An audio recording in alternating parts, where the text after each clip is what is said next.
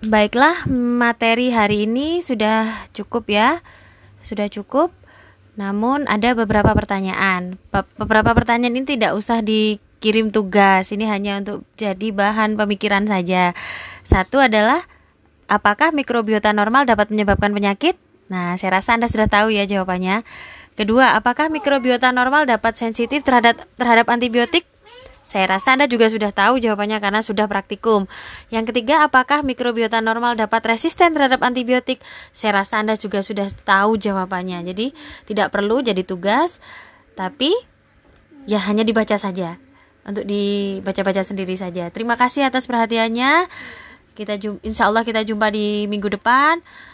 Eh, mohon maaf jika ada kekurangan, ada masalah. Terima kasih atas pengertiannya. Wassalamualaikum warahmatullahi wabarakatuh.